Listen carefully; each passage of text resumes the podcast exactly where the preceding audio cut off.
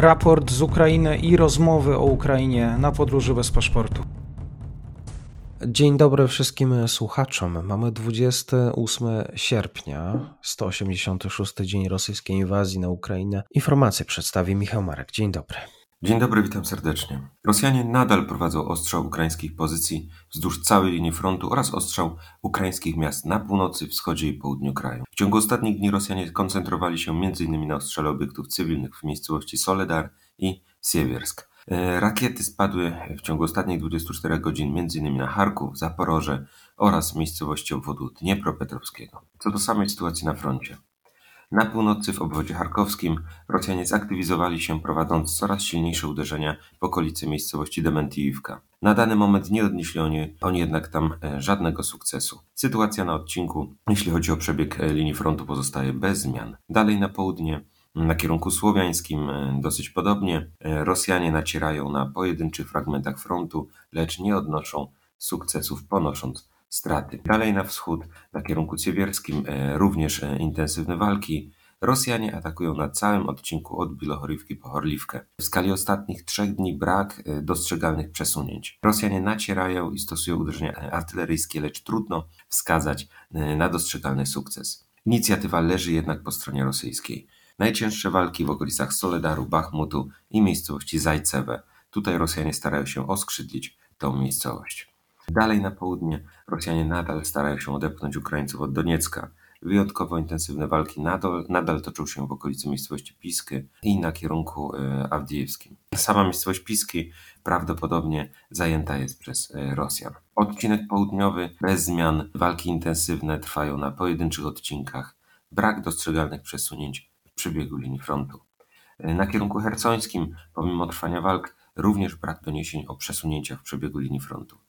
Strona ukraińska nadal jednak prowadzi, prowadzi uderzenia e, na mosty łączące okupowany Hersoń z pozostałą e, częścią obszarów okupowanych. Ukraińcy uderzają m.in. E, na most w Nowej Kachowce, utrudniając zaopatrywanie rosyjskich jednostek znajdujących się na, na prawym brzegu Dniepra. W sieci niemal codziennie pojawiają się nagrania ukazujące skutki ostrzału. Zgodnie z doniesieniami strony ukraińskiej, Rosjanie przerzucili na Krym nową partię ciężkiego sprzętu. Prawdopodobnie sprzęt ten będzie przerzucony dalej mm, na obszar obwodu hersońskiego. Informacje te pokrywają się z doniesieniami, z doniesieniami medialnymi o obecności nowego e, sprzętu pancernego, który ma znajdować się w zachodniej części obwodu hersońskiego. Możliwym jest, że Rosjanie spróbują odepchnąć Ukraińców od Hersonia, lecz aby to zrealizować, Rosjanie musieliby najpierw przerzucić ten sprzęt na prawą stronę Dniepru, co będzie bardzo ciężkim zadaniem, gdyż Ukraińcy regularnie niszczą obecne tam mosty. Ten sam los może czekać powstającą oraz potencjalnie budowane kolejne przeprawy na Dnieprze. Także tu przed Rosjanami rzecz y, nieprosta do wykonania, choć rzeczywiście mm, wydaje się, że Rosjanie przygotowują się do mm, próby uderzenia na tym kierunku odepchnięcia Ukraińców. Co nie, do, nie, nie oznacza, że e, oczywiście to nie, nie jest równoznaczne z tym, że Ukraińcy zostaną e, odepchnięci od tego miasta.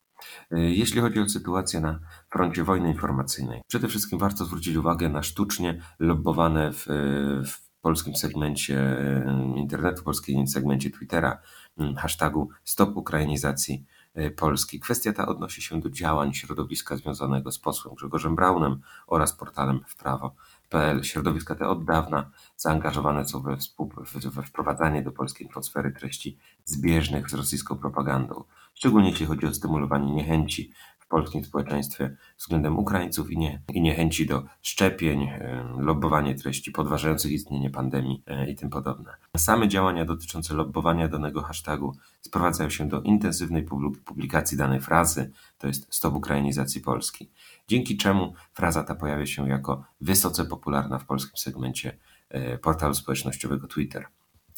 Hashtag ten de facto lobbuje najintensywniej około 100 kont, czemu przewodniczą konta prowadzone przez osoby trwale zaangażowane w lobbowanie rosyjskiej propagandy, m.in. konto Marcina Skalskiego. O, cel, o celu danej, e, danego działania świadczył m.in. wpis posła Grzegorza Brauna, który twierdzi, że sukces danego hashtagu wskazuje na ogromne poparcie społeczne dla postulatów jego partii. No, chodzi o budowanie wrażenia, że jego partia posiada ogromne poparcie społeczne, co wpływa na kreowanie danej partii na strukturę poważną, mogącą uzyskać w przyszłości wpływ na polską scenę polityczną. De facto jest to od podstaw proces sztucznie sterowany, mający na celu uzyskanie poparcia politycznego na bazie ukierunkowania fermentu społecznego w stronę Ukrainy. No, korzyść płynąca z tego dla Kremla jest oczywista. Y, jeśli chodzi o inne działania z zakresu wojny informacyjnej, y, rosyjskie polskojęzyczne kanały Telegram oraz y, portale alternatywne wspierają wcześniej opisane działania poprzez intensyfikację przekazów o Ukrainie jako państwie nazistowskim i terrorystycznym. Emitowane przez Kreml przekazy akcentują to, iż Ukraińcy rzekomo mordują cywili przy zastosowaniu systemów HIMARS.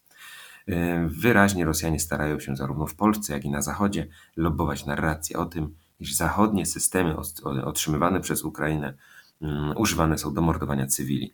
Zabieg ten mm, służy bezpośrednio wstrzymaniu dostaw zachodniej broni dla Ukrainy, wywołanie sprzeciwu e, w społeczeństwach zachodnich wobec właśnie przekazywania systemów zachodnich e, siłom zbrojnych Ukrainie. Ten kierunek obecnie wydaje się być traktowany przez Rosjan jako priorytetowy. Tu chciałbym też również odnieść się do tego, że czasem pod nagraniami e, umieszczane są, pod naszymi nagraniami umieszczane są komentarze, w których wskazuje się na to, iż nie przedstawiam dowodów, które potwierdzają e, tezy propagandowe, o których mówię.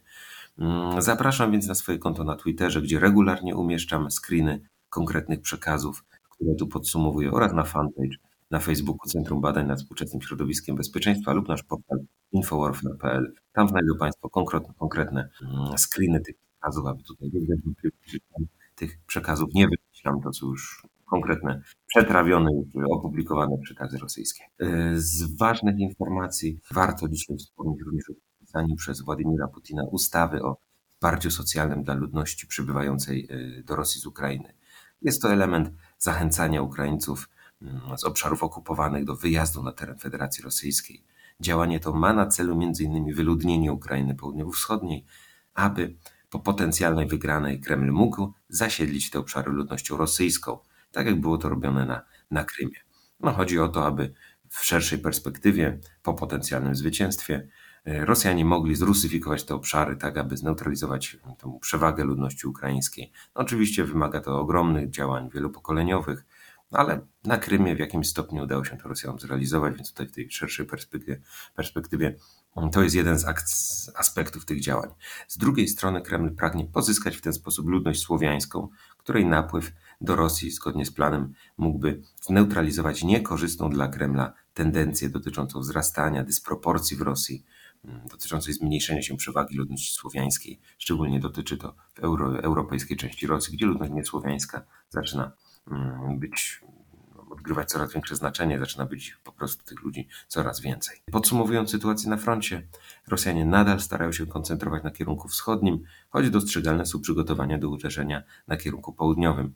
Możemy przypuszczać, iż um, Ukraińcy nadal będą uderzać na mosty na Dnieprze w obwodzie hersońskim, aby blokować możliwość właśnie przeprowadzenia przez Rosjan uderzenia nowymi siłami w stronę Mikołajowa. Ogólnie sytuacja na froncie się nie zmieniła, Rosjanie cały czas atakują, nacierają, lecz brak mm, dostrzeganych przesunięć w przebiegu linii frontu. Ja również zachęcam do obserwowania profili Michała Marka na Twitterze, na Facebooku. E, dziękuję za podsumowanie. Do usłyszenia. Do usłyszenia, dziękuję bardzo.